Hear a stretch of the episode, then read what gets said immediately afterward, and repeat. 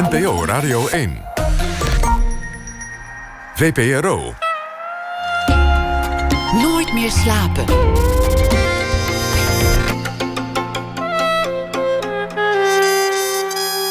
Met Pieter van der Wielen. Goedenacht en welkom bij Nooit meer slapen. Mijn gast komend uur groeide op in Wespelaar. En dat is een gat tussen Mechelen en Leuven in België, in de Brabantse Kempen.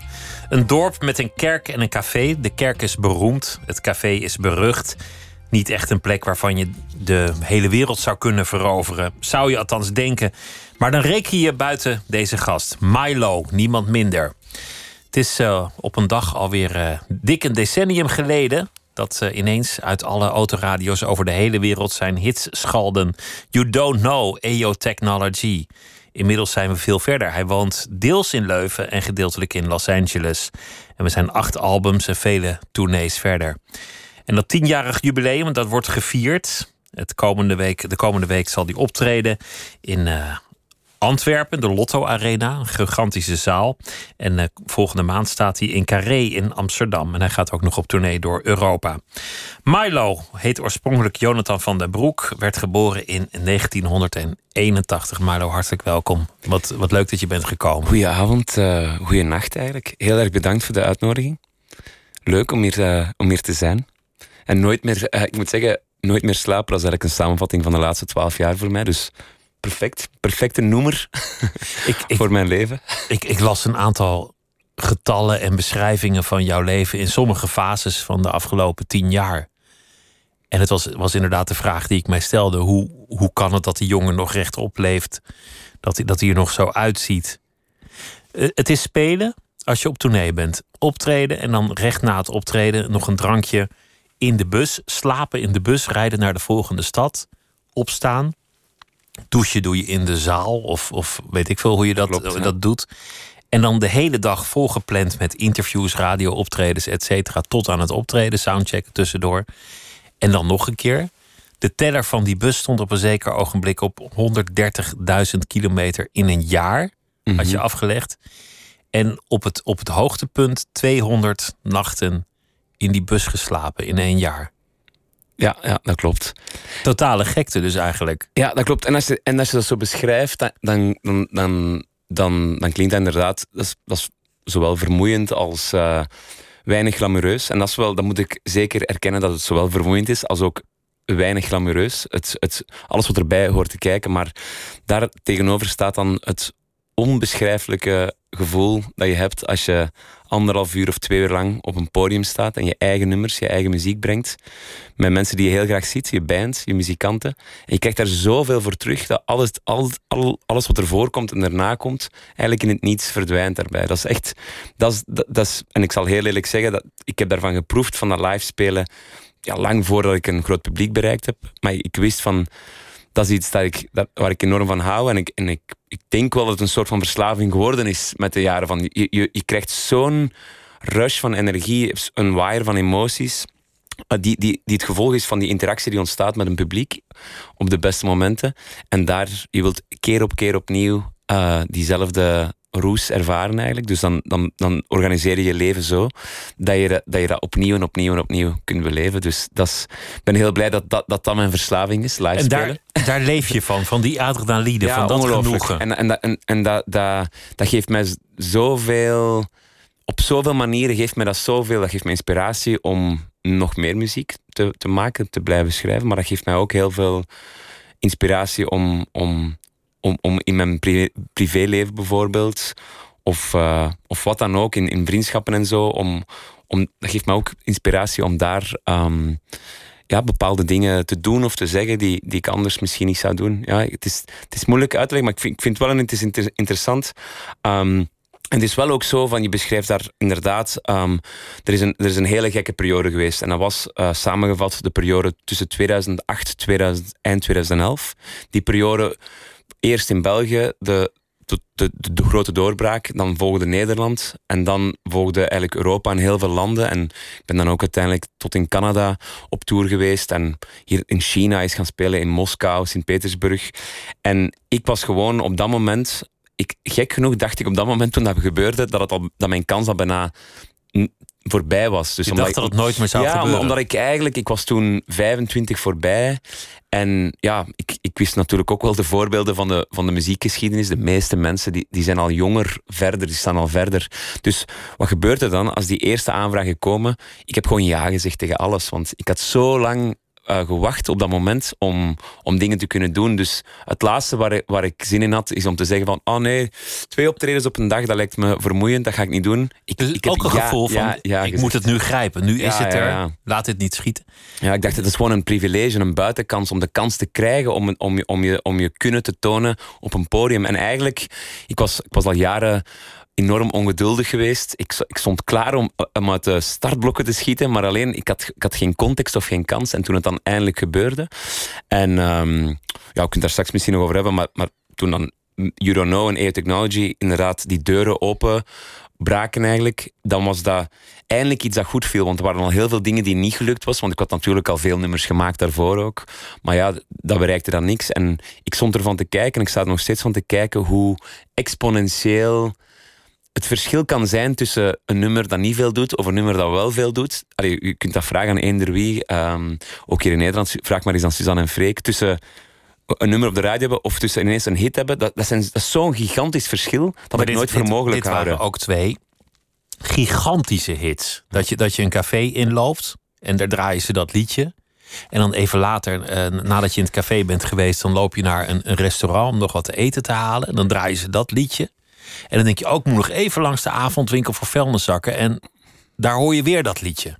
Want zo was het. Het, het was onontkoombaar. Overal hoorde je dat uit de boksen schallen. Dat klopt. In die periode eh, had ik niet veel tijd om zo eens op café te gaan, omdat dat, dat te horen. Maar, vuilniszakken te kopen. Maar, neem het van mij aan, zo was het. maar dus ik heb nu zaterdag heb ik een, eh, een, een soort van feestelijk eh, eh, concert met orkest in, in Antwerpen. En daardoor ben ik al heel de week, eh, misschien heel de week ben ik al iets meer nostalgisch.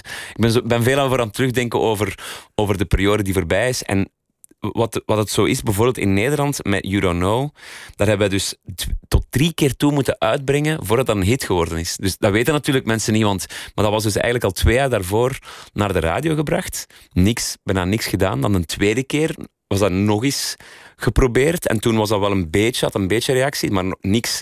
En toen na A-Technology hebben we nog gezegd, kom, we gaan nog één derde keer doen. En toen is dat nummer echt ontploft hier in Nederland. Daar stond ik zelf ook van te kijken. Maar toen dacht ik ook wel... Dus ik heb daar wel van, van onthouden ook van dat muziek. Het is niet zo simpel als een, een mooi nummer maken en dan gebeurt het vanzelf of dan gebeurt het niet. Het is ook wel... Je moet keihard werken om de omstandigheden te creëren waar dan een nummer zo een eigen weg kan... kan. Dus een sneeuw, het, is, het, is, het is goed te vergelijken met een sneeuwbal die groter en groter wordt. Maar je moet dus eigenlijk wel echt zorgen dat die hele helling vol met verse sneeuw ligt. Zo Anders best- gebeurt het niet, anders, anders- smelt hij. Anders dan, dan, ja, dan, dan, dan is het op een bepaald moment voorbij, dat nummer. Dan, dan krijgt het geen nieuwe adem of zo. En dat is, dat is wel iets waar ik altijd eh, van... van allee, ik, heb, ik heb de laatste twaalf jaar een paar keer mogen proeven van een nummer dat ineens een heel groot publiek eh, bereikt. Was eerst met You Don't Know, dan met AI Technology en dan... eh, met You and Me is in Duitsland een heel grote hit geweest. En dan Howling at the Moon, vier jaar geleden, is ook ineens een reis door Europa begonnen en Canada. En ik, ik kan zeggen, ik heb er al keer van mogen proeven, maar ik ben nog altijd even nederig. En het is nog altijd een even groot mysterie van... Ik had een paar andere nummers die ik ook gedacht had dat die het goed zouden doen. Dus ja, maar daar hou ik ook wel van. Ik ben, ik ben nu 38 en ik heb meer inspiratie dan ooit. Ik schrijf enorm veel nummers. En het feit dat, ik het, dat je het niet helemaal kunt uitleggen wat een nummer net bijzonderder maakt dan een ander nummer. met dezelfde stem, met dezelfde gitaar die ik doe. ehm, vind, ik, vind ik ook wel heel boeiend. Dat- en, dat en ik heb ook wel kunnen relativeren. Soms, ehm, soms dan, dan, ja, dan, dan, dan heeft een, bereikt een nummer misschien minder mensen. Maar ja, ik ben nog altijd heel trots. Dus de, de, ik ben dan nog altijd heel tevreden eh, artistiek over wat ik gemaakt heb. Dus het is niet zo dat mijn trots ehm, of mijn artistieke tevredenheid eh, rechtstreeks verbonden is met het succes of, het, of, het, of de grootte van het publiek dat een nummer bereikt. Maar ik wil gewoon zeggen, nog altijd, ik denk dat je het nooit helemaal kunt, kunt vatten. En dat vind Nooit ik dat je het helemaal begrijpt. Die periode die je noemt, je breekt door, je, je grijpt dat aan, je, werkt ontzettend hard, je grijpt alles aan, elk interview, elk optreden, radio optreden. Je bent permanent op tour door heel Europa, Canada, andere eh, gebieden.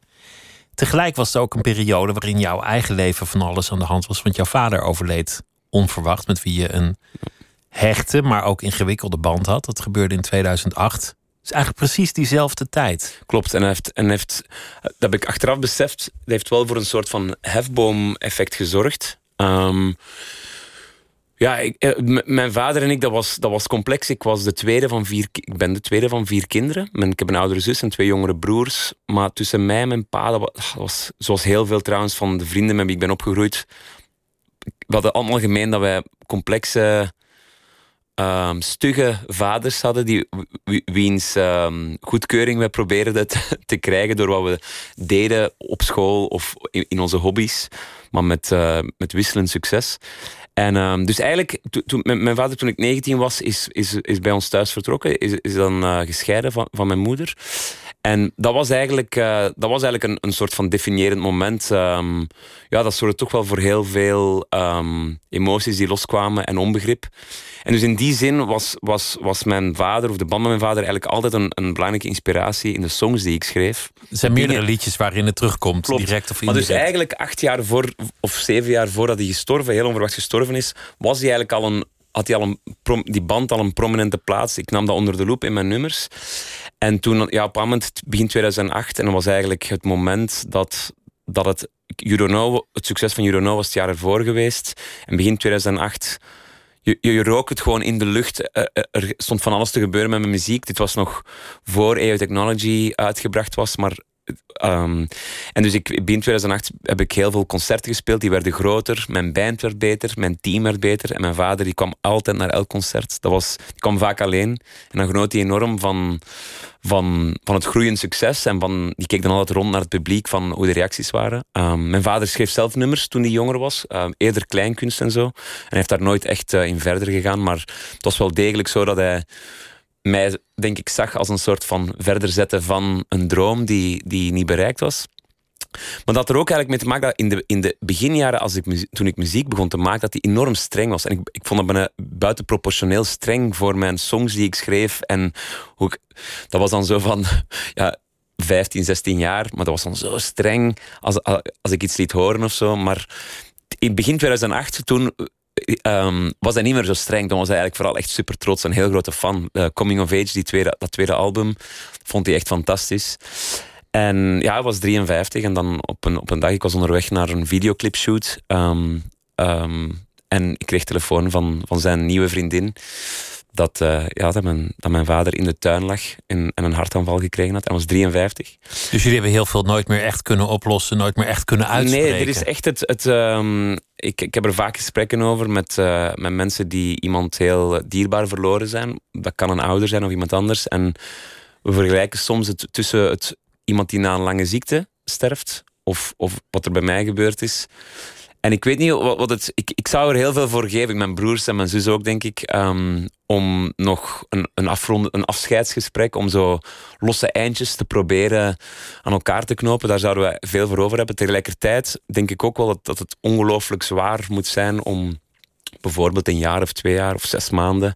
met het besef te weten. om daar dan zo elke dag mee op te staan. Bij ons was het zo onverwachts. Het was echt die pleister is er gewoon afgerukt maar ja, daardoor ja, was het, was een, het was een ander proces. Het voelde zeker onvoltooid aan. En ik, um, ik, ik was er toen wel van bewust, maar ik kan dat nu ook wel analyseren. Ik ben toen. Ik, ben, ik heb me toen gewoon op die muziek gestort. Dus dat, um, dat toeren, dat was ook een, misschien een vlucht. Ja, ja, want het is te zeggen wat, wat ik gedaan heb. Om, dat, was zo'n, dat voelde zo fundamenteel dat, ik voelde dat dat, dat dat een van de belangrijkste gebeurtenissen uit mijn leven was op dat moment. Ik was volop bezig. Dat, ik had die album was uit, die concerten waren aangekondigd. Ik heb geen enkel concert afgelast. Zelfs, maar volgens mij ben ik een paar dagen later al terug op podium. En dan mijn muzikanten en zo mij daar doorgesleurd. Want veel van die nummers gingen dus over mijn vader, maar toen hij nog leefde natuurlijk. Maar ik heb die gewoon gezongen, ik heb, ik heb dat gedaan. En ik haalde er eigenlijk wel troost uit om, om op podium te staan en, en iets onbespreekbaar op dat moment van mij af te zingen. Dat, dat was... Waar je niet over kon praten, ja, kon je wel zingen. Ja, ik, kon, ik, ik zong daarover en ik voelde me toch altijd net iets rustiger en, stab, en, en gebalanceerder uh, na elk op, optreden. En het is gewoon zo dat ik toen nog harder ben op mijn nummers beginnen werken, op alles wat erbij komt kijken en, en tot mijn eigen verbazing dat het feit dat ik nog een tandje bij schakelde in, al in alles wat erbij komt kijken, zorgde ervoor dat er steeds meer reactie kwam. En dus steeds meer deuren werden geopend voor mijn muziek. Dus dat was eigenlijk wel een paradox. Want op het moment dat eigenlijk... Ja, dat was toch wel een heel zwaar jaar, dat 2008. Ehm, terwijl dat dus thuis eigenlijk moeilijk was, privévlak, was dat toch um, de ene andere muzikale succes begon zich op te stapelen. Dat, Ehm, dat maakt jou waarschijnlijk een heel stabiel persoon van nature. Want toeren is, en de rock'n'roll geschiedenis kent vele voorbeelden, een bedreiging voor je gezondheid, zowel geestelijk als lichamelijk. Elke dag in een andere stad, elke dag adrenaline, elke dag een, een, een leven met weinig houvast, weinig ritme, weinig Mhm. mensen die je voor jezelf kunnen behoeden om je heen.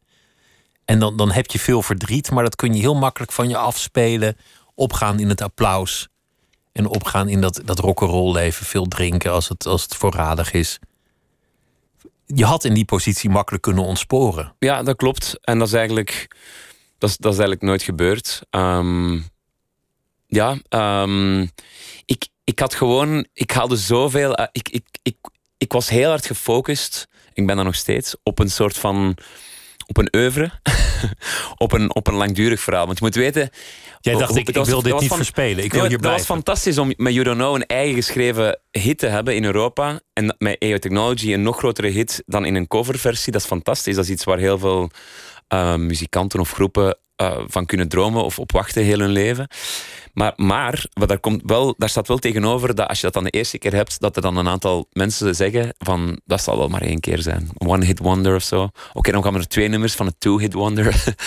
en ik, ik, ik ehm, nam dat eigenlijk als een soort van persoonlijke uitdaging aan van ik, zal eens, ik ga eens tonen aan mensen dat, dat, ik, dat ik dit kan omvormen tot een, tot een, tot een, tot een langer verhaal. En, en daar, ja, daar haalde ik eigenlijk wel een kick uit. Want ehm, ja, en het is ook zo, ik, ik, heb, ik had heel lang gewacht. Dus ik voelde me eigenlijk gek genoeg heel klaar voor, voor die rollercoaster die, die op gang kwam. Want ik, ik had het gevoel dat ik al vijf jaar klaar was. Dat was natuurlijk niet zo, maar mijn gevoel was wel zo dat ik al zo lang... ehm, to- toen die hits in Europa ontploften, had ik eigenlijk twee studioalbums met eigen materiaal. Ik had een hele goede liveband rondom mij, die al met mij meer dan honderd keer gespeeld had in de Lute. Dus wij hadden eigenlijk kunnen oefenen. En eh, ik had een goede crew. En al die mensen, dat waren allemaal mensen met, met hoofd op de juiste plaats en voeten op de grond. En tuurlijk, we hebben echt... Dat, mijn devies was altijd, we gaan wel genieten zolang het duurt van alles wat er gebeurt. Dus we hebben zeker eh, heel vaak de tijd genomen om echt heel bewust te zeggen van wat een fantastisch wat een fantastische job hebben wij. Wat een fantastisch moment was dit als we in Zurich en, of in welke, welke hoofdstad dan ook, of stad, een ongelooflijke eh, eh, concert gespeeld hadden met reactie. Dan hebben we daar telkens volle teugen van, van genoten en gevierd nadien. Maar het was toch telkens ook wetende van. Dit, dit kan niet het einde zijn. Ik weigerde met te denken van, ik ga niet maar één keer in Zurich spelen, of maar één keer in Berlijn, of in Wenen, of in Barcelona of zo, of in Parijs. En, en dat hield me wel om, om te blijven focussen. En ik heb- ben toen echt in die periode ook meteen heel veel nummers beginnen maken om, om, om, ja, om gewoon ja, een nieuw hoofdstuk te beginnen. En ik wist ook wel van dat verdriet rond mijn vader, dat dat ook tijd nodig had. En ik, ik was wel ergens bewust van, ja, is het dan gezond om me daar zo in te storten?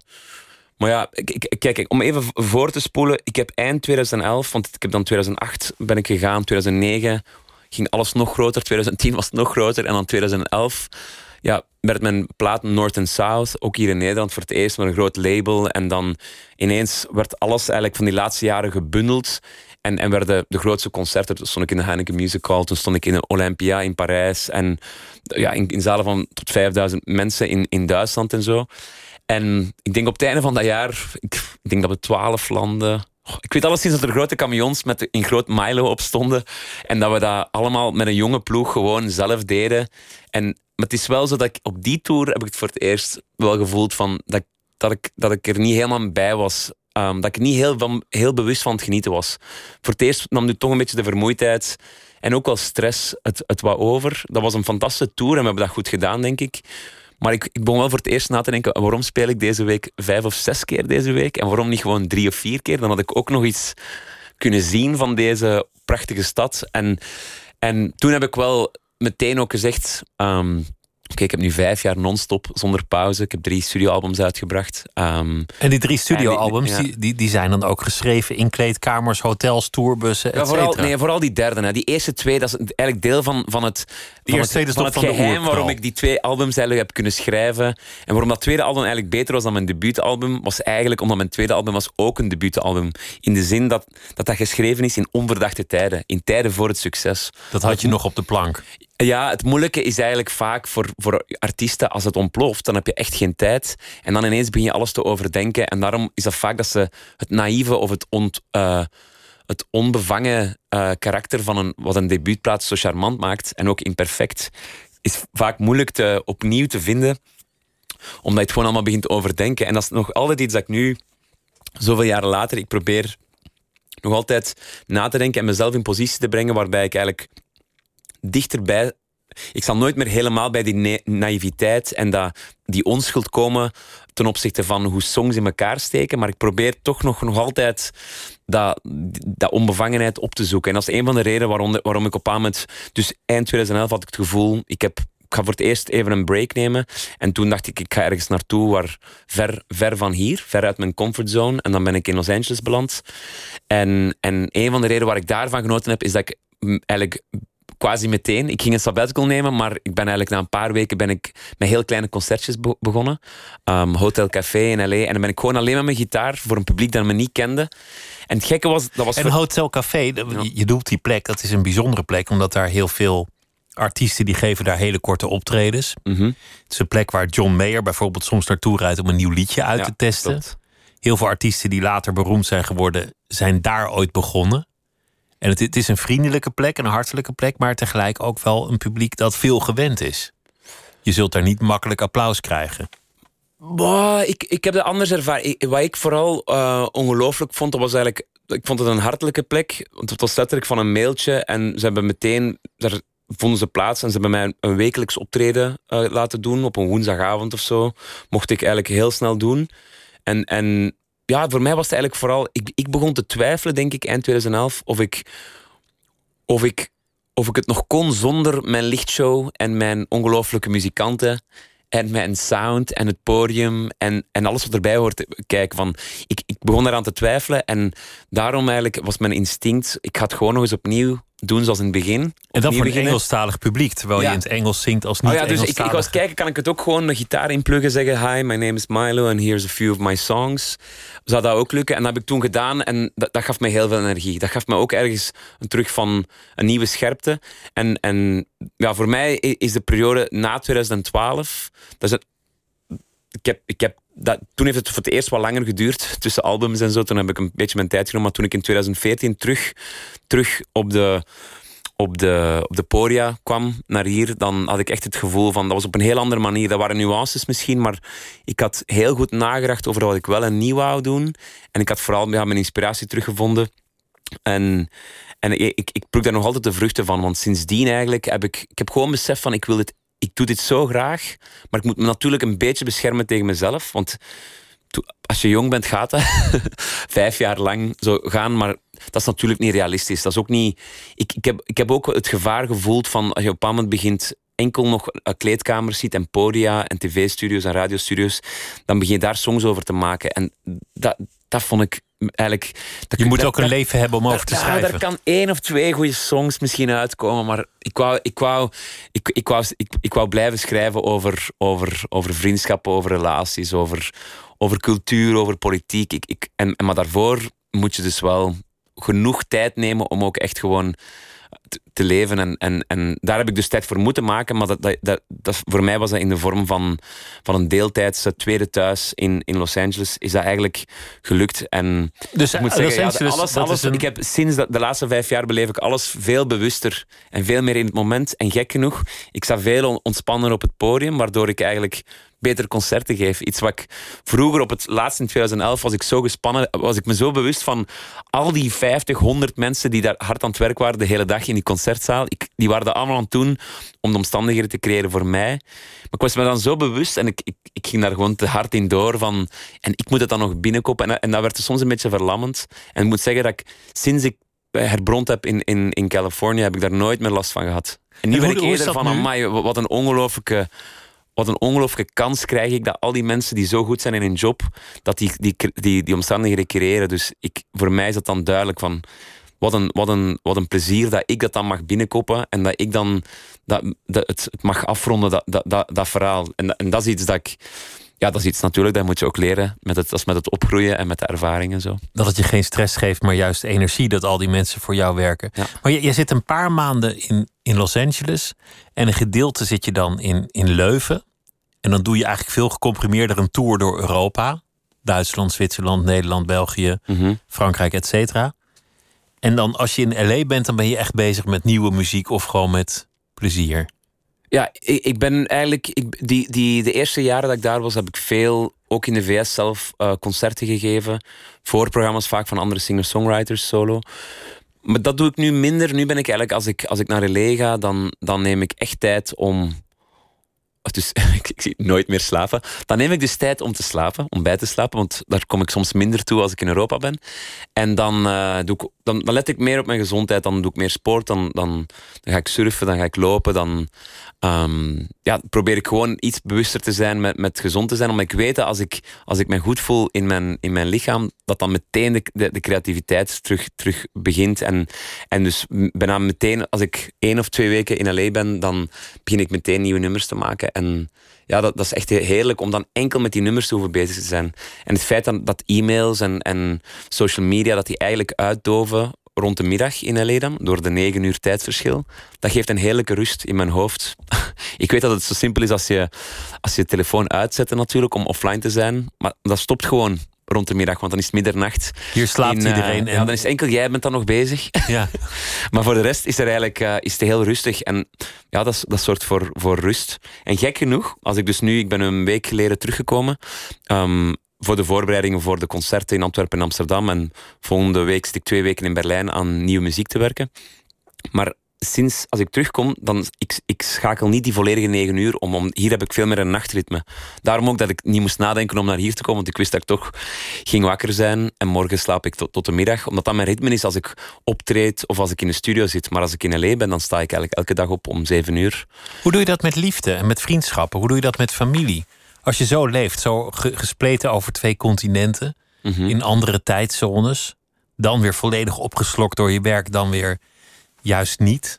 Hoe combineer je dat eigenlijk? Dat was absoluut ook, ehm, ja, mijn acht jaar geleden, de, de grote, het grote vraag, wat, vraagstuk wat me bezig hield: van is het mogelijk eigenlijk om, om dit te doen en, en de muziek te doen op dit niveau en lange tijd? En ik, ik heb lang gedacht van dat je, dat je, dat je dan heel veel opofferingen moest maken. En, en die zijn er ook, hè. laat me daar zeker duidelijk over zijn. Maar wat ik, in, wat ik geleerd heb en wat ik probeer heel bewust te doen, is het gebrek aan kwantiteit te, eh, te compenseren met, met, momenten, met intenser momenten van, van kwaliteit. En bijvoorbeeld, ehm, nu voor, voor de kerstperiode bijvoorbeeld, heb ik, ehm, heb ik heel mijn, mijn familie, mijn, en hun, dus mijn, mijn twee broers, mijn zus, mijn moeder en hun partners en bij mijn broers en zus dan hun kinderen zijn allemaal naar LA gekomen drie weken. En dan hebben we eigenlijk eh, kerstavond, kerst, oudjaar, nieuwjaar allemaal samen gevierd. En dat zijn wel echt eh, momenten die, die, die fantastisch zijn en die, die je niet op dezelfde manier zou hebben als je hier allemaal bent. Want dan is het eigenlijk eerder, dan zie je elkaar op een namiddag en een avond en dan gaat iedereen toch terug naar huis. Dan wordt het meer routineus, dus je haalt eigenlijk de routine weg. Ja, De misschien, maar, maar, maar dus dat soort momenten, zo probeer ik. Het is natuurlijk als ik u nooit zou zien tijdens het jaar en dan ook niet, geen, niet de prioriteit zou stellen bij bepaalde momenten, dan, dan blijft er niks meer over. Dan, dan kun je langzaam misschien uit elkaar drijven. En dat wil ik niet. Dus hetzelfde met, met, met vriendschappen. Ik heb, ehm, ik heb een, heb een groep van heel goede vrienden in, in Leuven, of bij Leuven en Antwerpen en Brussel, die, die, die weten wat ik doe. En, en ook al zien we elkaar een paar maanden niet, als, het, als, als ik terug ben en tijd is, dan wordt er tijd echt voor gemaakt. En dan, dan, gaat het, dan kan het ook wat dieper gaan. En ehm, ik heb de laatste, ja, doordat ik ondertussen al acht jaar ehm, ook in LA ben, heb ik daar ook een hele nieuwe vriendengroep opgebouwd. En het, en het heerlijke aan die vriendengroep bijvoorbeeld, is dat die heel weinig te maken hebben met, met, met Milo en met, met mijn muziek. Dat is, ze weten het uiteraard wel, en, en, maar dat is eigenlijk dat is, dat is maar iets in de dat, is, dat, is niet de, dat is niet de basis voor de vriendschap. En dat is eigenlijk heel leuk. Ehm, je bent geen ster in die vriendschap.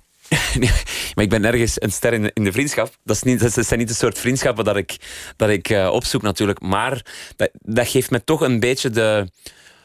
Soms denk ik van dat is maar een illusie. Maar het geeft me soms echt ook wel een paar maanden per jaar het gevoel van dat ik echt een volkomen normaal... Of een bijna normaal leven heb met gewone vriendschappen, met gewoon de, de beslommeringen. En als ik daar ook ben, dan... Zij, die, het is wel zo dat die vrienden zien niet het soort van het ritme dat ik soms hier in Europa ben. Want daar ben ik, dan ben ik letterlijk drie weken, sta ik elke dag om zeven uur op. Ga ik slapen tegen tien, elf uur. Het zijn gewoon de, de, de normale dingen. Ehm, boodschappen, koken voor elkaar. Echt gewoon, dan ben ik er ook echt. Dan ben ik. Dan, dan, dat is heel bewust. Dan ben ik echt in het moment. En dan ben ik niet met een half met een halve gedachte in, in Europa.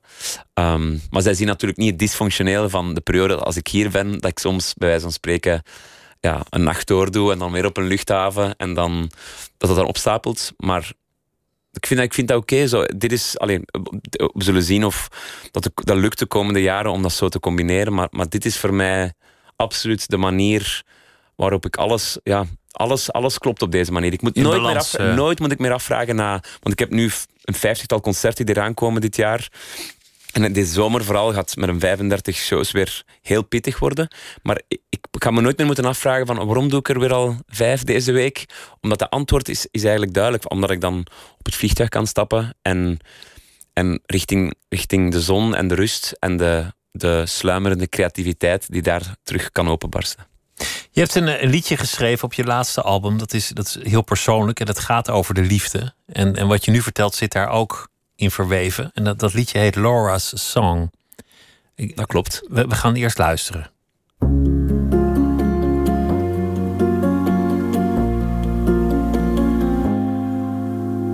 I was working at a bar. A 24 year old saving for a new guitar. I was late for our first date. So I promised you that I would finally graduate. Funny how a moment can start off small. And when we look back, it's the biggest of all. Every happy birthday, each fork in the road. I can't wait to see us when we get old. I remember driving up to Brussels for you. The cold December thinking you're too good to be true. You don't even try, but you always make me,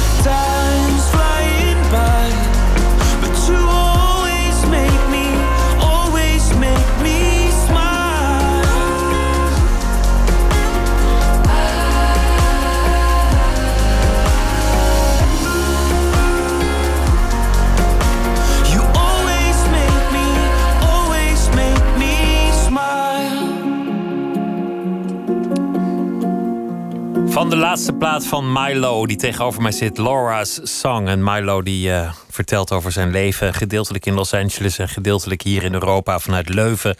Hier in Europa alleen maar werken, alleen maar muziek, permanent toeren, een leven van gekte. En daar in Los Angeles meer normaliteit, rust en daarmee ook creativiteit. De jaren zijn snel gegaan. Na grote hits was even het vermoeden van sommige zuurpruimen dat het maar een één-hit wonder zou zijn. Kwamen er twee hits, dan was het maar een two-hit wonder. Maar inmiddels zijn we dus uh, een dik decennium verder. Allemaal begonnen in Wespelaar. Wespelaar in de Brabantse Kempen. Met, met een bekende kerk, een café, verder eigenlijk niet zoveel.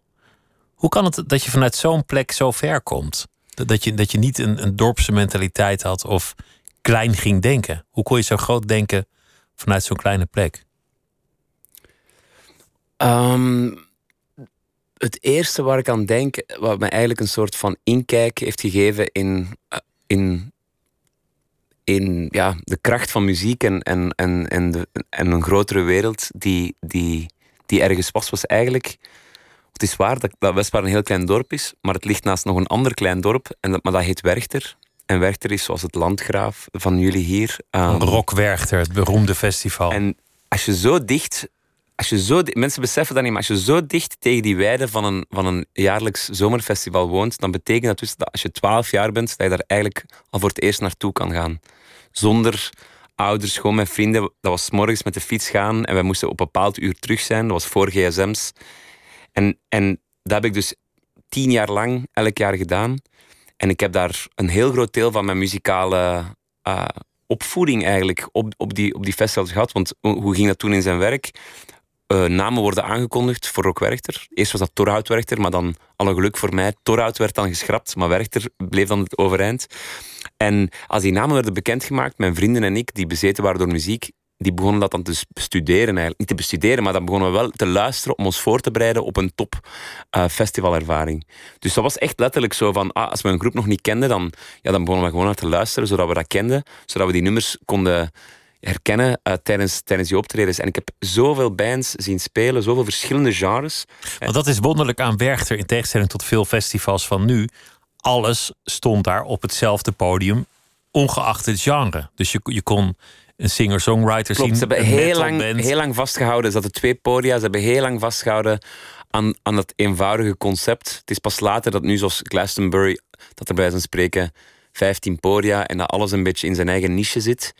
Um, het is ook wel zo, ik moet wel zeggen, ik weet niet, de eerste jaren, dat was ook niet zo eclectisch. Dat was toch wel echt rock, rock, rock. Maar dan inderdaad, ik heb toch echt wel artiesten gezien die, ja, ik bedoel, zo'n PJ Harvey stond daar tussen dat gitaargeweld, of een, of een Björk, of, of een Jeff Buckley. Um, op zich, ja, dat is, dat, is, dat is echt een wonderwereld die, die, die open gaat. En het was ook voor mij, ik voelde wat, wat als, bij mezelf als jonge muziek van wat, wat een ongelooflijk effect een goed live concert kon teweegbrengen. Dus dat heeft mij mee, denk ik, dat heeft mee in, mijn, in, mijn, in, ja, in, in mezelf geslopen. En ik heb dat altijd onthouden als ik dan die rollen omgekeerd waren, waardoor ik zelf dat podium. En voor alle duidelijkheid, ik heb, ik heb in 2007 heb ik voor het eerst, voor de eerste keer, ik heb, ik heb vijf keer op, op die weide opgetreden. Maar die eerste keer in 2007, dat was dan op het moment dat You Don't Know begon te groeien en te groeien. En er, belde een artiest af en toen kwamen ze bij mij terecht, omdat ik net met You Don't Know overal op de radio was. Radio was. En dan mocht ik het festival openen op het zijpodium. Maar dat stond toen ook wel, dat was op, in alle kranten en, en alle nieuwsploegen waren daar, omdat dat een van de eerste keer was dat iemand die opgegroeid was in een dorp dat zo dichtbij was. Dat was letterlijk nog maar dat was de eerste keer of eerste van twee of drie keren dat dat gebeurd was. Dat was een bijzonder verhaal. En toch vind ik dat eigenlijk een logisch verhaal. Ik verwacht dat eigenlijk dat dat vaker zou zijn. In de, in de schaduw van dit soort monumentale muziekevents kan ik me inbeelden dat dat, dat dat vaker gaat gebeuren. Omdat dat gewoon eigenlijk toont... Oké, ja, je zit gitaar te spelen in je kamer maar je toont wel van wat je daarmee zou kunnen doen. En, en voor mij was het heel duidelijk van... De, de wereld, de horizon. Ja, Westplaar was een klein dorp. Maar ja, ik denk dat het even bepalend voor mezelf was dat ik opgegroeid ben in een klein land, in een kleine regio. Want bij ons is dan het gevoel dat je in twee regio's met Vlaanderen en Wallonië. Dat heeft een even, even grote uh, invloed gehad op mijn drang om de wereld te zien dan, dan enkel Westplaar alleen bijvoorbeeld. Het is wel ironisch dat het een heel klein dorp in een heel klein land, dat is zo wat dubbelop. Maar tegelijkertijd denk ik dat de meeste muzikanten. De meeste muzikanten die een invloed gehad hebben op mij, die zijn in een gelijkaardige positie. Die waren ook ergens, die wilden ook de wereld zien, maar die zaten ergens vast, ergens in een, in een klein dorp waar iedereen leek te slapen. En Tupelo er zijn, was ook een klein dorp waar Elvis zeg, Er zijn misschien... Er, allez, er zijn ondertussen veel, veel meer muziekgenres die ook die een groot publiek bereiken. En sommige komt echt uit de grootstedelijke energie vooruit. Maar het soort muziek dat ik maak, op tekst, op melodie en op, vaak met een akoestische gitaar, dat, dat, is wel ergens een logica of zo. Ik heb, kijk, ik, ik heb nooit te veel proberen. Ik heb natuurlijk een, een periode gehad van experiment tussen mijn vijftiende en mijn en 2021, waarbij ik groepjes en genres probeerde en manieren van zingen. Maar ik ben toch al redelijk snel uitgekomen bij wat ik eigenlijk het liefste doe en wat uiteindelijk de Milo Sound is geworden. En ik blijf er nog altijd, mijn, een van de allergrootste adviezen dat ik kan geven aan jonge muzikanten is om niet, niet, je moet niet zanger of zangeres spelen, maar je moet, je moet dat zijn. En dus je moet proberen niet te, niet te veel een rol te spelen, maar probeer gewoon naar jezelf, naar, naar je roots en, en naar, naar je gevoel en dat gewoon te, te zijn. Want de meeste die op een muur stoten van waar ze niet verder geraken, is bijna altijd omdat ze eigenlijk ze spelen iemand anders. En een, publiek heeft een soort van zintuig om dat te ruiken bij artiesten. En dat is letterlijk, je kunt heel veel. Soms krijg je dan te horen als ik in het buitenland ben van Belgische groepen, die en die en, en dan waarom die wel en die niet. En meestal kun je dat herleiden tot, tot um, degene die echt ver, ver komen, is gewoon omdat, dat, omdat er een authenticiteit heeft. Zij zijn gewoon, zonder het te spelen. misschien moeilijk. Maar, België is, zijn die muziek, ja, België, spelen het niet, ja, zijn ja, het. Ja, en dat, is, dat, is natuurlijk, dat geldt niet enkel voor muziek natuurlijk. Dat geldt, dat geldt voor verschillende takken, dat je, dat je gewoon moet proberen de intuïtie te volgen en, niet, en je ratio eigenlijk uit te schakelen. Je zei dat je vader ook al liedjes schreef. En je hebt op accordeonles gezeten, daar in, in, in Westpelaar. In een documentaire is je accordeonleraar nog aan het woord gekomen. Zei aardige dingen over jou. Je broer heeft het ver geschopt in de sport. Klopt. Dus, dus je bent wel opgegroeid in een heel creatief, creatieve omgeving. Je bent wel gestimuleerd van huis uit. absoluut. En ook ambitieus. Um, ik, ik herinner mij eigenlijk vooral dat wij heel snel heel zelfstandig moesten zijn. Dus we waren met vier kinderen. En bijvoorbeeld onze hobby's. Als we met een hobby kwamen aandraven, dat was enkel als we daar zelf op eigen houtje naartoe konden. Um, dat dan consequenties dat ik heb, ik heb alle sporten gedaan. Uh, op een bepaald moment zat ik zowel in de voetbalclub, de basketclub als de volleybalclub. Maar mijn ouders heb ik daar nooit gezien, bijvoorbeeld. Dat, dat was. Uh, dat, dat hoorde een beetje bij die afspraak van. Daar hebben we geen, geen tijd voor. En maar dat zorgde wel voor een... Voor een ergens vind ik dat wel sneu als ik er nu over denk van, ah ja, toch wel leuk geweest, maar tegelijkertijd, ik had daar dus echt geen talent voor, voor die sport. Allee, ik bedoel, ik had een basis van atletisch vermogen, maar, maar niet echt om... Dus op zich, ja, ik hou er ook niet zo van. En zeker niet in zo'n dorp, wat heel vaak is, dat dat zo... Dat krijgt zo'n ongelooflijk gewicht, zo'n wedstrijd. En vaders die dan hun frustraties projecteren op hun zonen aan de zijlijn. Dat soort dingen. Ik ik moet zeggen dat ik daar toen al heel weinig geduld voor had. Dus ik was al lang blij dat ik daar eigenlijk als enige zonder ouders, roepende ouders aan de zijlijn. Um, ook al betekent dan de facto dat ik op een moment definitief op de bank. Want het was ook wel zo van. Als iedereen maar middelmatig talent heeft, dan zijn degenen met de luidst roepende ouders. Die, die, die werden dan opgesteld. Maar wat eigenlijk, het heeft lang geduurd. Ik was op zoek naar een, naar een uitlaatklep. En ik, ik weet niet echt of, of, of dat zo ambitie. Of ja, thuis werden we inderdaad gestimuleerd om, om, om, om ons gevoel te, te volgen en zo. Maar als ik, in grosso modo vond ik toch ook wel, zeker de, de, de middelbare school in België, dan de tussen 13 en 17. Ik vond het toch vooral ook een, een, een periode van veel zoeken en veel ja, een, een soort van onvermogen om mezelf echt te uiten zoals ik was. Die muziek, dat was heel pril, dat was embryonaal, dat was er wel al. Maar opnieuw, ik was eigenlijk nog de woordenschat aan het leren. Dus ik, was, ik had een muziekleraar die mij in het begin al accordeon geleerd heeft, maar al redelijk snel, toen ik 14, 15 was, dan vroeg ik hem van...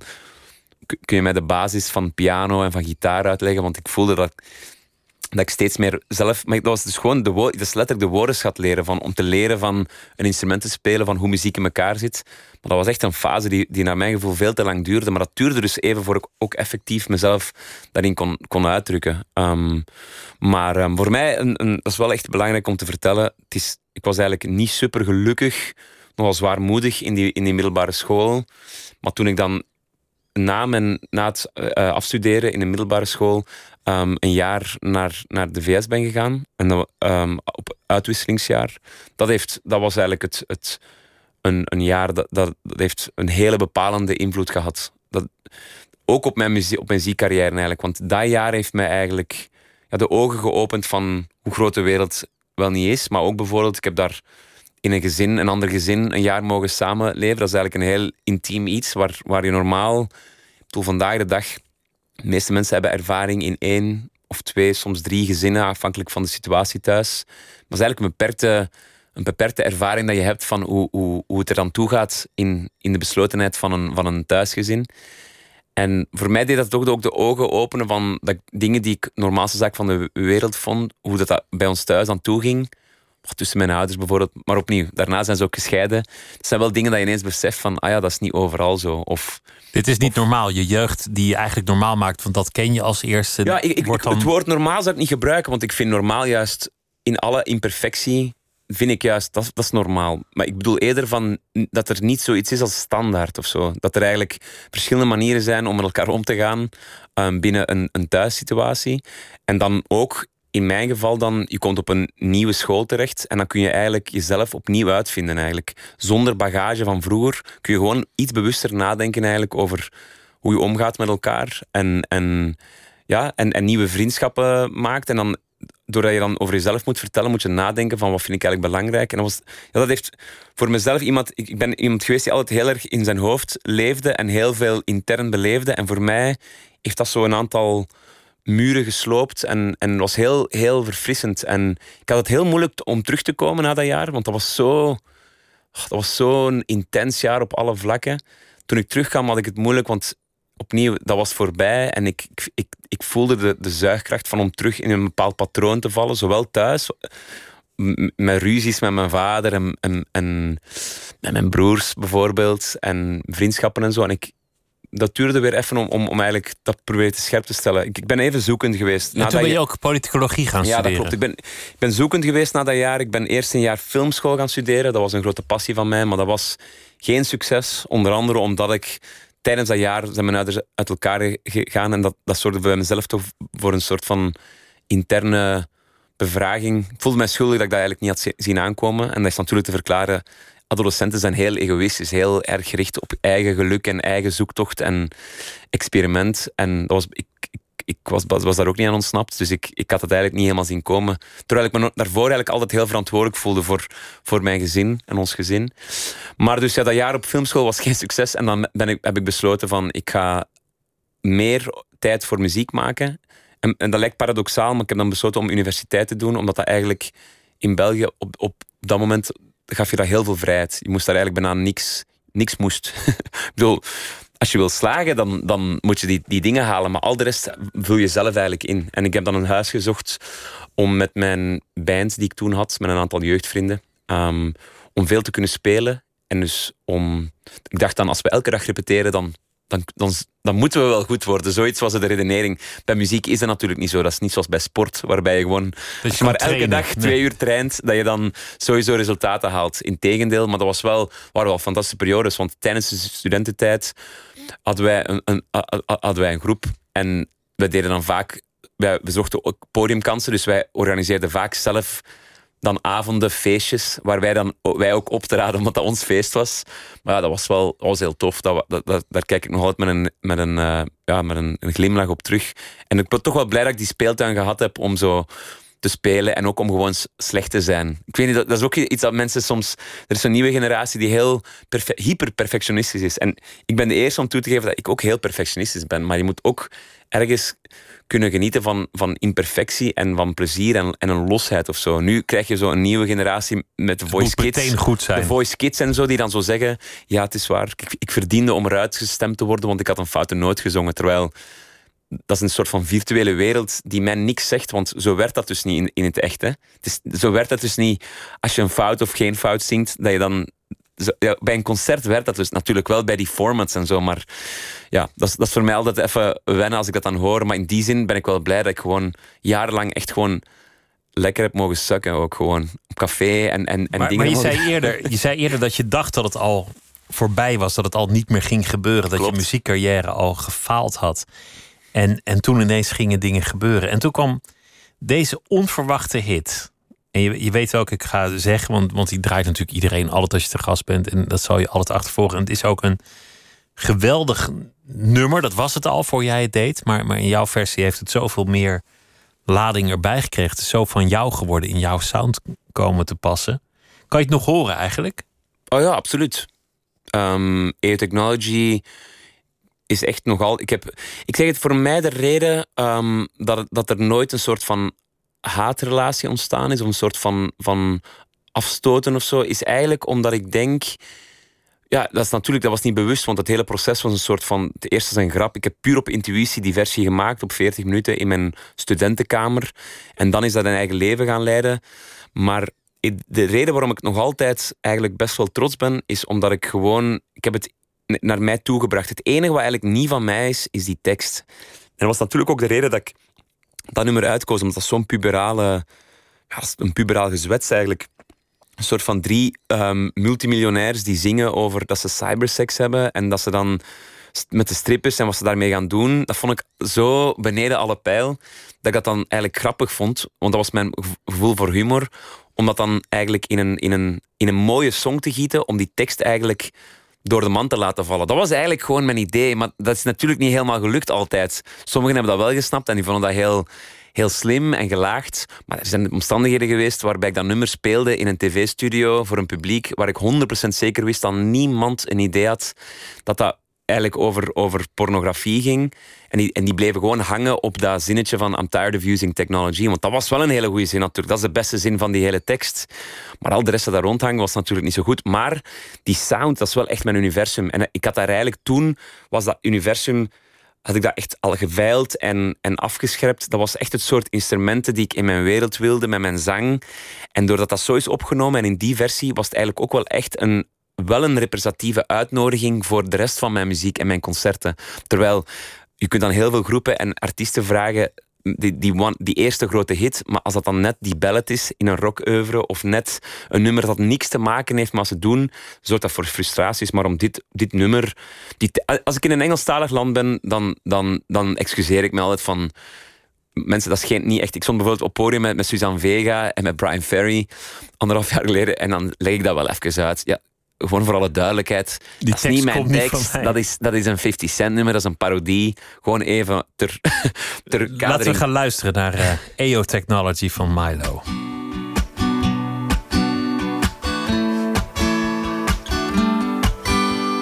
She work it, girl, she work the bowl, she break it down, she take it low, she's fine as hell, she's about the dough, doing a thing right on the floor, and money, money she making. Look at the way she's shaking, make you wanna touch her, wanna taste her, have you lusting for her? Going crazy, face it. She's so much more than you used to. Knows just how to move, seduce you. She's gonna do the right thing, touch the right spot, dance in your lap you're ready to pop. She's always ready when you want it. She want it like an info, the info. Show you where to meet her on the late night till daylight. The club jumping if you want a good time. She's gonna give you what you want. Baby, it's a new age. You like my new craze. Let's get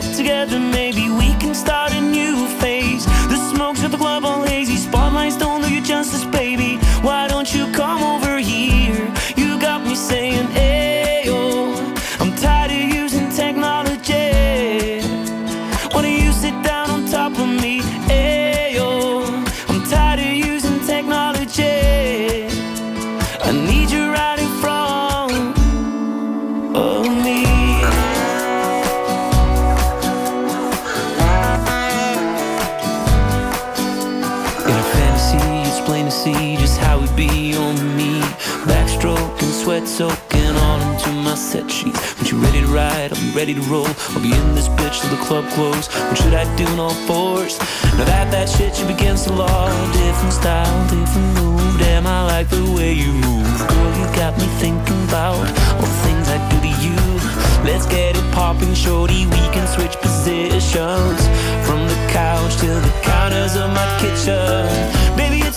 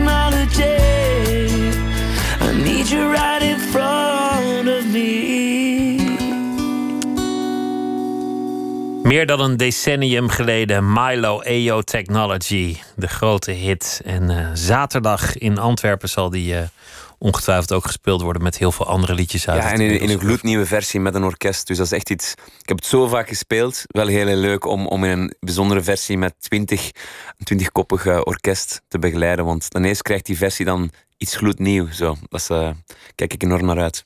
En dan in maart sta je in Carré in, uh, in Amsterdam. Antwerpen is de repetitie, de generale repetitie voor uh, Amsterdam. Antwerpen is echt een reusachtige plek waar je staat. En, en Carré is natuurlijk een, een fantastisch eervolle plek. En dan uh, door naar Duitsland, Zwitserland, Frankrijk, Scandinavië geloof ik ook weer naartoe dit keer. En dan terug naar Los Angeles. En ik ben heel dankbaar dat je tussendoor even hier wilde aanschuiven in de nacht. Milo, dank je wel. En het, uh, Heerlijk bedankt en uh, hopelijk tot een volgende keer. En zo meteen op uh, deze zender Miss Podcast en Nooit meer slapen is er binnenkort ook wel weer een hele goede nacht.